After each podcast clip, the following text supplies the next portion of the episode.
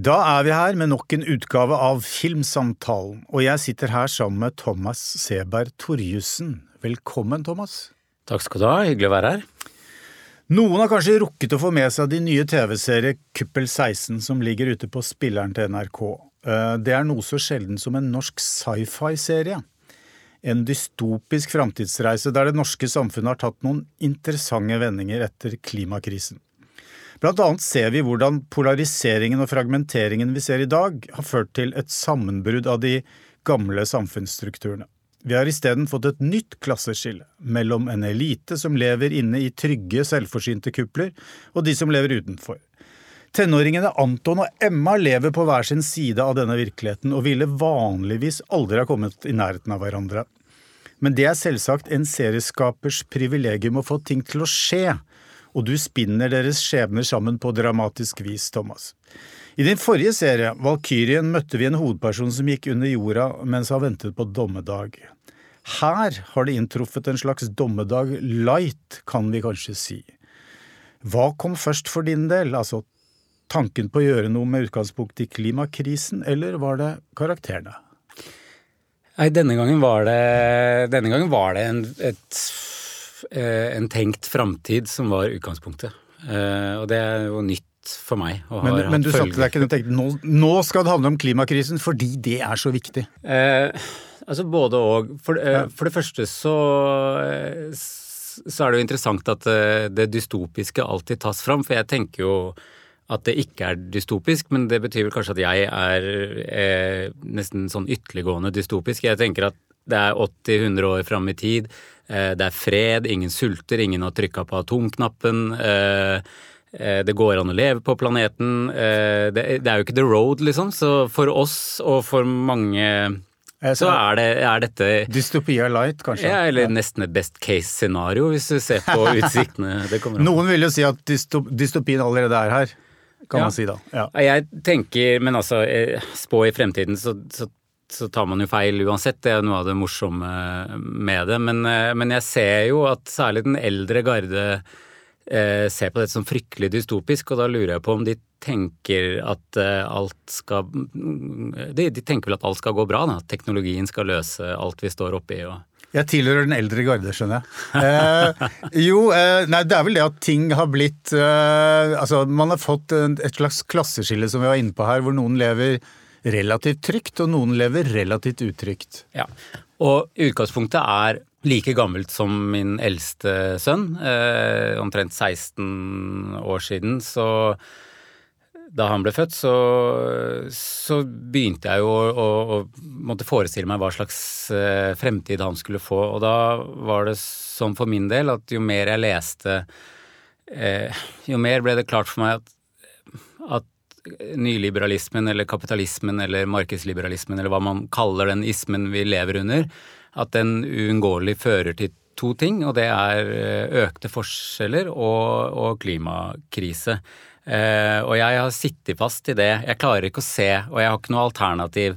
Eh, jeg har ikke noen løsninger på ting, men jeg, mm. jeg har tenkt at de to uh, Det er de to store bevegelsene vi beveger oss mot, og vi ser Og jeg på en måte har sett vi ser jo de rike stikker av fra oss på en måte og unndrar seg eh, de forpliktelsene som den rikdommen de har fått av vårt felles kollektiv eh, har gitt dem. Så, så, det var hovedtanken av hvordan kan det se ut. Og så har det vært en lang eh, prosess, men sånn, i, i, de 16 årene så har jeg på en måte tenkt på dette, dette scenarioet, og så da de tre siste årene nesten ikke gjort annet. Mm. Et romantisk forhold mellom to tenåringer som befinner seg i hver sin leir eller klasse eh, og må betale en pris for, for, det, vil alltid bli sammenlignet med Romeo og Julie, på sett og vis. Jeg har likevel ikke sett nok til å fastslå hvor langt denne romantikken strekker seg i serien. Jeg har sett fire episoder. Eh, men kan du fortelle litt mer om altså, tiltrekningen mellom dem? Fordi Emma hater jo Anton i begynnelsen. Ja. Altså, dette skillet er jo eh, en anledning til å lage en, eh, en kjærlighetshistorie med en reell hindring. Og jeg har jo sett i den tiden jeg har uh, jobbet med film og TV Altså så uendelig mange historier om uh, en ny nynazist som forelsker seg i en jøde, eller en israeler eller en palestiner, og vi leter jo alltid etter, så det er jo klart det er jo beleilig det, det, ga seg ganske fort at dette skillet eh, gir en slags sånn en hindring til kjærligheten som kan være en kul motor til å vise denne verden. Og så Så for de to så handler det jo om eh, på en måte fordommer mot hverandre som må falle, eh, og det tar tid. Eh, så jeg skal, jeg skal liksom ikke spoile serien, men det tar tid å å, å se likhetene når man er blitt oppdratt til å, å på en måte eh, Ja. Til å fokusere på ulikhetene mellom oss, da. De er jo bare to 16-åringer. Liksom. Samtidig så er det jo eh, Jeg røper vel ikke for mye når jeg sier at de er, havner i en slags flukt mm. sammen. Ja, det er, det, er, det er, to Noe som på en måte kompliserer det, eller gjør det ekstra hva skal vi si, meddrivende og spennende og komplisert? Ja, fordi de er Det er to coming of age-stories hvor begge to på en måte gjør et Eller forlater redet og er eh, utsatte og alene i det. Det er liksom deres skjebnesfellesskap, er at mm. begge har, har havna i unåde hos, uh, hjemme hos sine egne. Så de har på en måte egentlig bare hverandre i den posisjonen. Så det er sånn de møtes. Mm. Du har en svakhet for outsidere. altså Det har vi jo sett i altså, serier som Zombie-Lars, eksempel. Altså, og, og, og, for så vidt Valkyrien og andre. Eh, hva er det ved på en måte utenforskap eller outsiderposisjonen som, som tiltrekker deg som forteller? Eh, jeg tror sånn Standardsvaret til alle forfattere er at eh, de følte seg fryktelig utafor i oppveksten. Men det gjorde ikke jeg. jeg hadde, ja. så, så, det kommer ikke fra et sånt sted. Jeg følte meg vel mer en outsider når jeg kom fra liksom, drabantbyen og inn i den bransjen her. Men jeg tror det er så enkelt som at det er eh, dramatisk mer interessant med noen som er i en utsatt posisjon, og som eh, liksom, det er jo ikke så mange historier om alfahannen. Eh, det er jo ikke så interessant med, med de som, eh, som får det til, som de som føler seg Nei, Det er ikke så mange filmer om, om superkonforme besteborgere. Nei, men jeg vil jo si at Burde kanskje vært mer av det? ja, nei, men det er sant. Men jeg, jeg vil jo si for eksempel altså, Anders Bosmos karakter i Koselig med peis er jo en ganske streit fyr. Mm. og så er broren en outsider, men egentlig ikke i sin kunstkrets. Så nei, jeg, jeg, jeg, tror ikke jeg, jeg vet ikke om jeg er noe Men det er jo en veldig gøy sted å skrive fra, og så er det jo trøst i det. Mm. Eh, så tenker at det er Sånn som i Zombie-Lars, for eksempel, så, så var det jo veldig Da, da kunne man liksom ta tak i sjenansen hos ninjaen og ADHD hos uh, mm. trollene og utilstrekkelighet hos nissene, og så kunne man bare lage karakterer av følelser som kan få deg til å føle deg uh, som en outsider. Uh, så det var jeg, jeg, tror det er bare mer interessant. Altså, det er ikke noe dypt personlig utenforskap i meg mm. som har skapt det. Når jeg begynte å kikke på denne serien, så ikke sant, Den første responsen tror jeg er typisk, eh, eller i hvert fall ikke utypisk. Eh, var, jeg tenkte liksom ah, en norsk sci-fi, så spennende. Eh, det, fordi det er så sjelden det, det, det dukker opp. Men altså, når det gjelder inspirasjoner til serien, altså visuelt eller på andre måter, altså, har du, hvor har du hentet Hva har influert deg? Altså, Går det an å peke på noen andre, andre produksjoner som uh, er noen slags forløpere?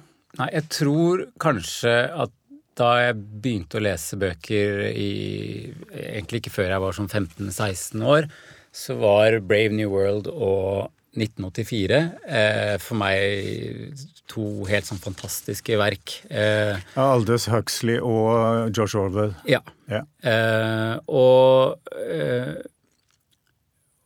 Science fiction i bokform har jeg hatt mye glede av, og så har jeg ofte syntes at eh, det, det taper seg litt på vei over i filmen, fordi eh, det blir et for stort fokus på, på gadgets, altså nerdene liksom tar over, og budskapet forsvinner.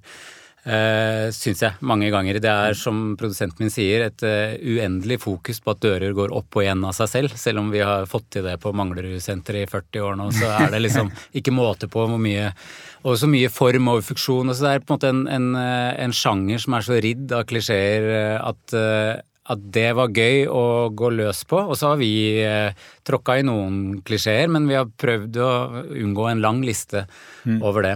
Eh, og så var det da jeg skulle gjøre Korsenpeis, så ble jeg sendt til Los Angeles og fikk lov å sitte i alle mine favorittskriverom. Det var på en måte en tid før eh, lyset var skrudd ordentlig på de serieskaperne, så jeg syntes det var stas at det kom noen helt fra Norge og sånn. Og jeg var rundt der. Men da skjønte jeg plutselig, for alle ville at jeg skulle møte At jeg måtte snakke med Battlestar Galactica, og så skjønte jeg at vi vi har liksom importert alle de gode dramaene eh, fra gullalderen til amerikansk TV-serie, men vi, vi, holder oss litt for nesa på sci-fi, liksom. Det er liksom noe romskiptull. Eh, mens jeg føler at amerikanerne tar det liksom seriøst, så har jeg titta litt på det, da, som på, på Battlestar, og, og, og, sett på den 1970-versjonen versus den uh, som kom, mm. uh, og, og, tenker at ja, men vi kan vel gjøre det, vi òg, men det er et det er jo et kostnadsspørsmål nå. Vi har jo laget uh, sci-fi nå på lunsjbudsjettet til Dune, tror jeg det er uh, ingen ja, ja. penger.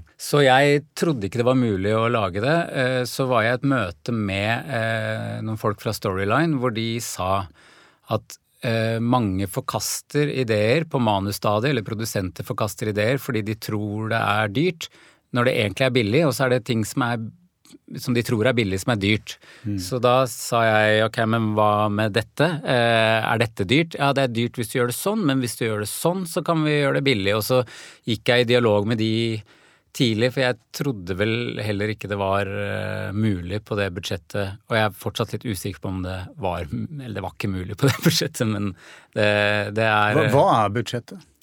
Eh, nei, det er vel rundt 50 mill. Ja. på 200 minutter.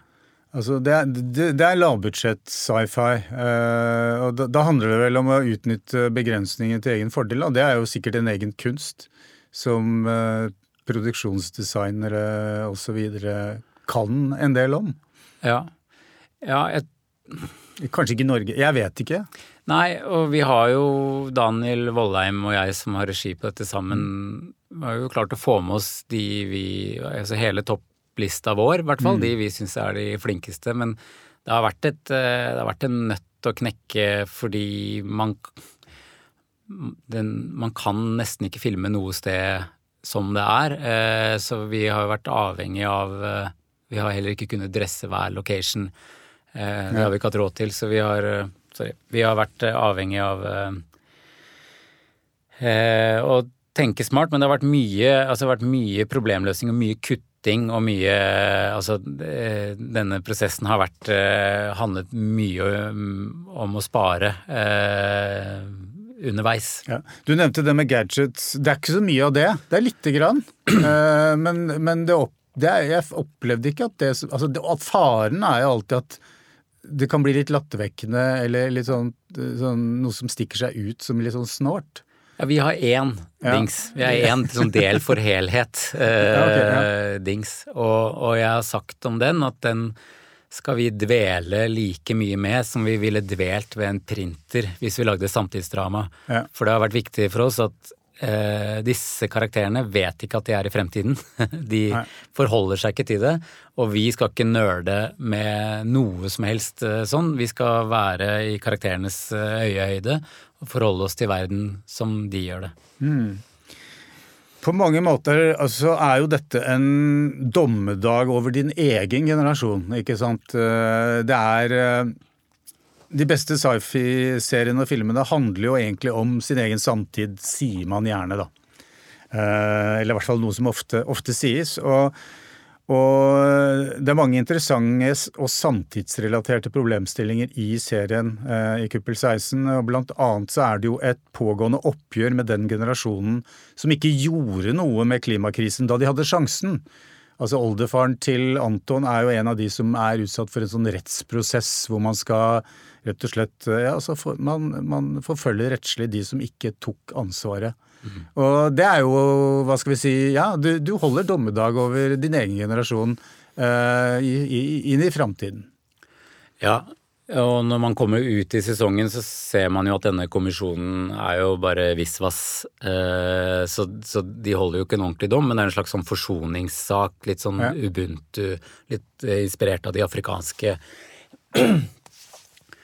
Så Men ja, det, altså det, det er eh, de som hadde makt og myndighet til å, og, og innflytelse til å gjøre noe mellom den siste en, en, klimarapport fra FN, den siste, og kollapsen, og som ikke gjorde det, må liksom stå med bøyd nakke. Nå velger jo denne oldefaren å ikke gjøre det, fordi han eh, ikke anerkjenner denne kommisjonen. Så, eh, men det er jo et, et, interessant scenario å se for seg om det kan eh, ja, Om det vil holdes eh, dom over noen eller ikke, det aner jeg ikke, men vi har iallfall noen som gjør det i denne serien.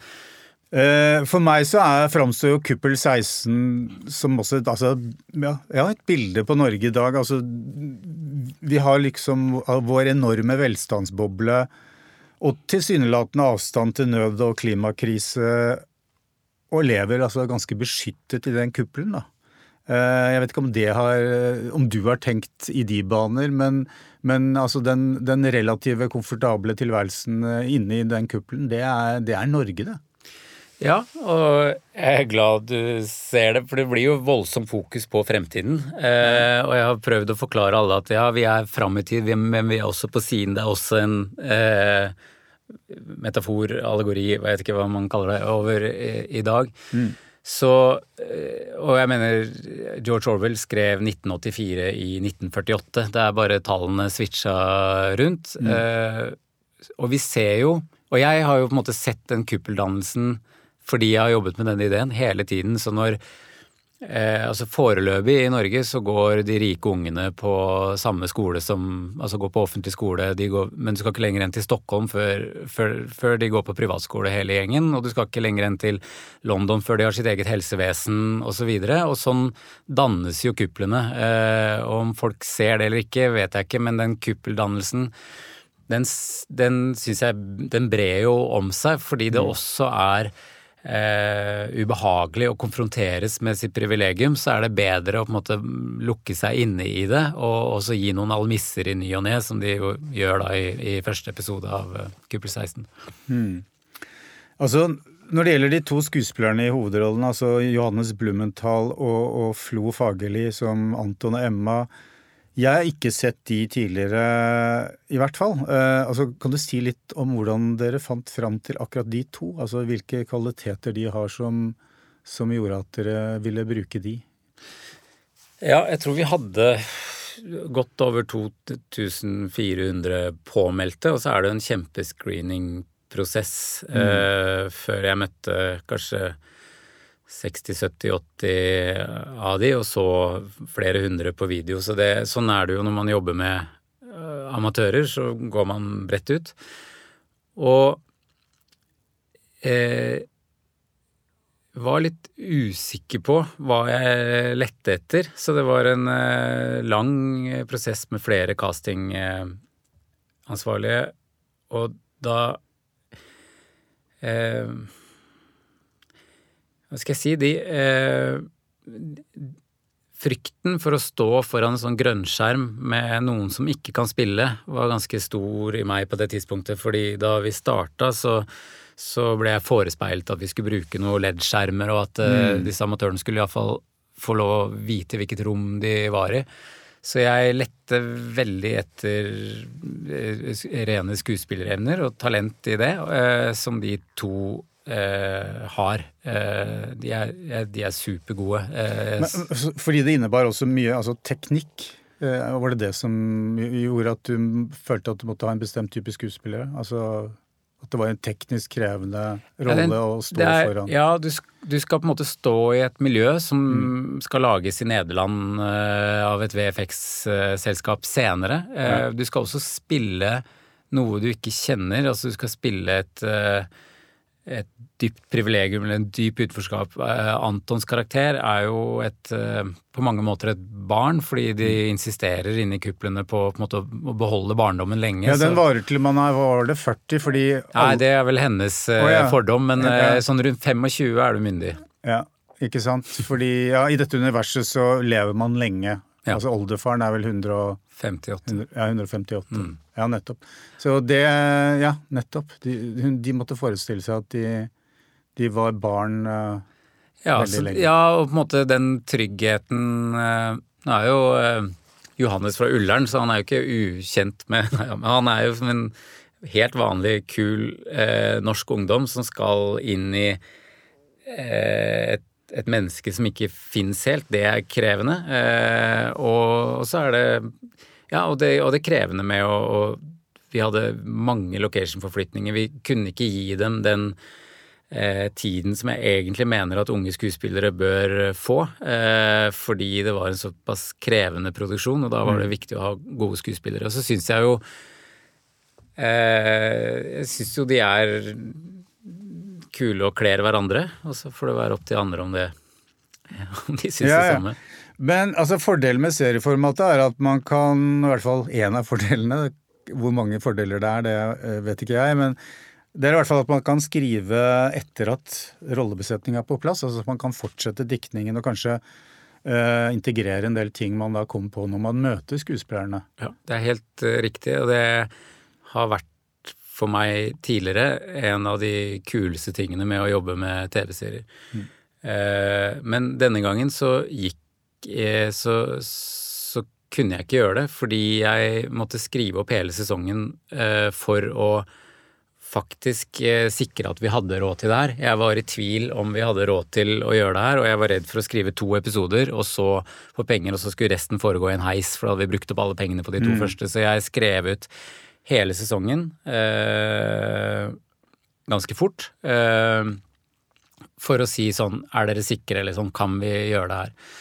Men de gangene For jeg tenker at en TV-serie har sine uh, unike begrensninger og sine unike muligheter, og i, i de mulighetene så ligger det jo ofte en karakter Altså du, du begynner å skrive for en karakter som, som du skjønner at her har vi en skuespiller som kan sende et lite blikk som ikke jeg visste fantes, og med det blikket så kan jeg stryke alt hun sier, det er alt vi trenger i den, og så begynner man å rette seg etter det. Eh, Laila Goody i Zombielars for eksempel var en sånn karakter som, som man liksom hun er så jævlig god, eh, og så får man lyst til å bare skrive sånn at hun pusher også sitt eget eh, talent.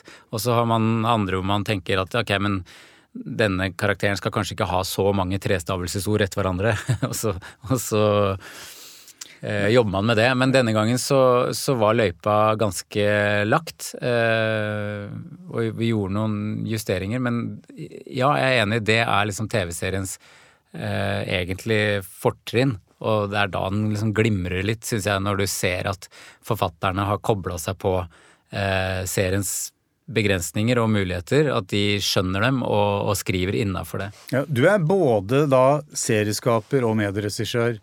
Og med serieskaperrollen så følger du med økonomisk ansvar, så du sitter på en måte og er i konflikt med deg selv hele tiden, kanskje? Ja, litt spagat uh, der, men Regissøren i deg sier at faen heller, la oss bare gjøre det. Og så, så sier serieskaperen og den økonomisk ansvarlige i deg at uh, hold an litt her nå.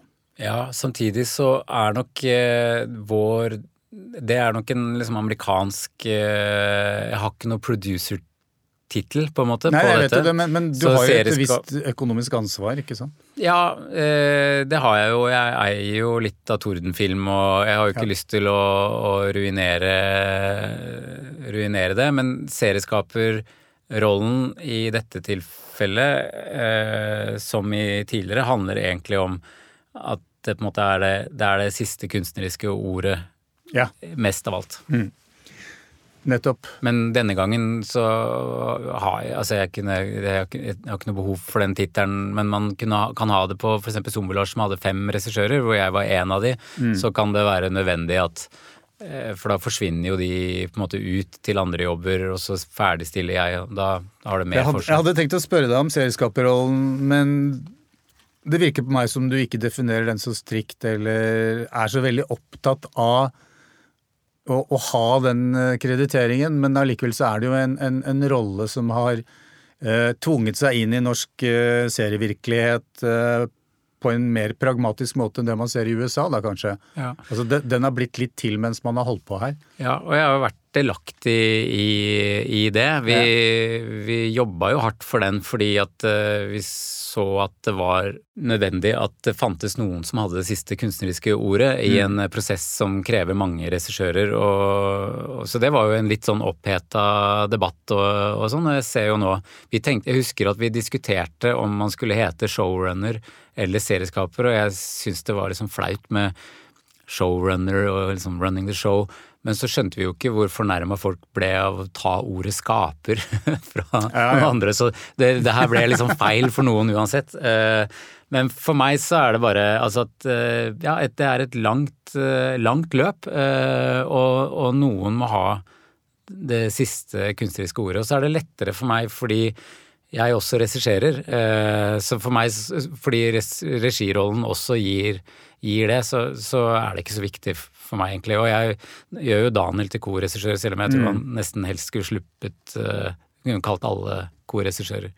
Gisle Tveito Jens Christian Fotstad. Altså deres delaktighet i å skape det her er så stor at uh, Ja. Du nevnte Koselig med peis, eh, og den har jo på en måte fått kultstatus, den serien. Og det er jo lenge siden den ble produsert nå. Det har gått en del år. Uh, hva, og det har skjedd veldig mye på seriefronten i Norge siden den gang. Mm. Uh, kan du si litt om liksom hva som har skjedd siden du lagde Altså på en måte slo igjennom med 'Koselig med peis'? Eller du slo igjennom for så vidt før det med, med spillefilmen 'Sønner', uh, men 'Koselig med peis' har jo på en måte blitt stående som en slags et kultfenomen, fordi eh, jeg tror ikke det er liksom så vanvittig mange i Norge som har sett den. Men eh, den ble sett av en del den gangen, i Ja. fall. Under den lineære høytiden. ja. Det er veldig digg å ha en sånn serie som folk har hørt er bra, men som du ikke har tilgang til. Ja. Nei, men eh, Nei, da, og det har skjedd så mye, men det det var ingen som søkte på TV-seriepotten da vi søkte TV-serie, var ikke noe eh, man drev med. Jeg var ganske rett ut av filmskolen, og det å si at jeg hadde lyst til å jobbe med TV-serie, var liksom det minst ambisiøse Altså, da, når var det her? jeg, 2000 og, altså jeg, opp, jeg gikk jo ut i 2001, og vi produserte den jo ikke før i 2007-2008-2009.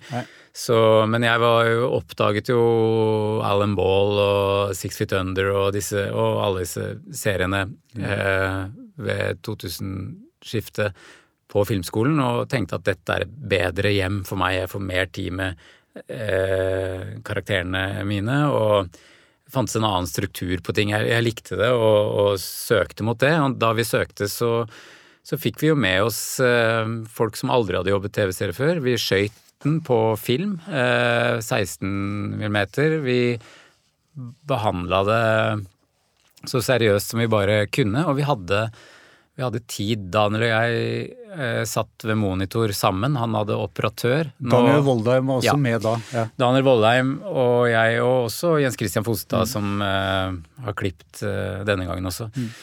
Men da hadde vi en eh, Da hadde vi snakket så mye om den eh, historien, og jeg aspirerte ikke til å ha regi, men vi hadde blitt så detaljerte. Vi visste så nøyaktig hvordan vi ville at det skulle låte og se ut og sånne ting, at det, det å på en måte sette på en annen regissør, og vi følte at den regissøren ville føle seg knebla av mange kunstneriske valg som han eller hun helt sikkert følte at burde være innenfor deres eh, domene. Så vi bare tok regi på den, og fortsatt overraska over at vi fikk lov, for vi hadde aldri gjort det før. Eh, og vi fikk tid til å lage det vi ville. Vi fikk liksom ro, og vi fikk eh, Vi følte vel at vi hadde mer midler den gang, selv om det ikke var en dyr serie. Jeg tror det var i underkant av 40 millioner for seks timer. Eh, så det var eh, Og så har det jo på en måte eh, filmfolk har kommet eh, strømmende til TV-serien, og nå er det jo helt i Nå, nå er det jo ingen som, som eh, holder seg for nesa for å gjøre det lenger. Nei, for sånn var det jo faktisk den gangen, lite grann. Ja, litt så var det sånn Det var alltid sånne produsenter som var sånn eh, Ja, du skal komme og lage spillefilm. Og da hadde jeg liksom lagd seks timer skutt på, på film. Jeg følte ikke at det å lage eh, Men at det, det sto veldig høyt, da, og det var Mm. vanskelig å få Altså, eh, som regissør så spilte det ikke noen rolle. Eh, jeg hadde ikke laget film, så jeg fikk ikke, jeg fikk ikke, noe, jeg fikk ikke noe goodwill over de seks timene. Nei. Som Anne Sewitsky gjorde halvparten av den, da. Mm. For da jeg gikk i klippen. Men eh, hvordan føler du at liksom atmosfæren, stemningen, tidsånden er i forhold til eh, dramaproduksjon nå? Det går jo, nå går det jo fort i svingene. Ja, nå har jeg levd i en boble de siste tre årene, så dette Du har nok mer oversikt over den bransjen enn meg, så min sånn jeg, jeg, jeg føler at det går jævlig fort. At det blir At det er mindre penger, mer eh, kriser, mer eh, ja, det, og det er en sånn, Jeg ser på Facebook-feeden min, så er det så jeg syns folk har eh, premiere. Jeg syns det er premierer hele tiden. Og det føles som en sånn boble som kanskje nå brister, men det tror jeg jeg har tenkt i fjor og i forrige fjor også. Det føles som uendelig mye, og så er det kanskje min livssituasjon som gjør at jeg tenker at det går ikke an å, ikke an å se alt det her. Jeg har jo ikke, jeg har ikke tid til det. Så- Nei, den boblen eh, tenkte jeg også for eh, tre-fire år siden at dette kommer jo ikke til å vare. Nei. Pessimisten i meg. Men, eh, men det fortsetter jo, så vi får, vi får se Det hvor det fortsetter, men det Ja, det Nei, det skjer det, Ja, det skjer De sier mye. at eh, ja, Man ser jo tegn på at noen hva skal vi si, prø eh, reduserer ambisjonsnivået lite grann. Eh, HBO eh, for eksempel. Men, eh, men det gjenstår jo å se i det litt lengre løp. Men også på innholdssiden, altså, så har jo bunnen litt gått ut av hvor dårlig ting kan være også, syns jeg. Fra Netflix og sånn. Det har de vel fått blø litt for. Men eh, det føles som sånn masse, Mm. som en stri strøm. At du må, må lete ganske sånn Og så dukker det opp sånn som, sånn som The Bear, så er det sånn Har 'Jeg har hørt det faktisk er en bra serie ute', så, så, så når det jo gjennom, Men det føles også som om ting kan bare forsvinne i den elva av innhold som Tid er eh, nøkkelen, Mm. sannsynligvis her, da. Blir vi jo fortalt av ekspertene. Mm. Men eh, tusen takk for at du ble med i Filmsamtalen, Thomas Sebert Torjussen. Takk for det, hyggelig å være her.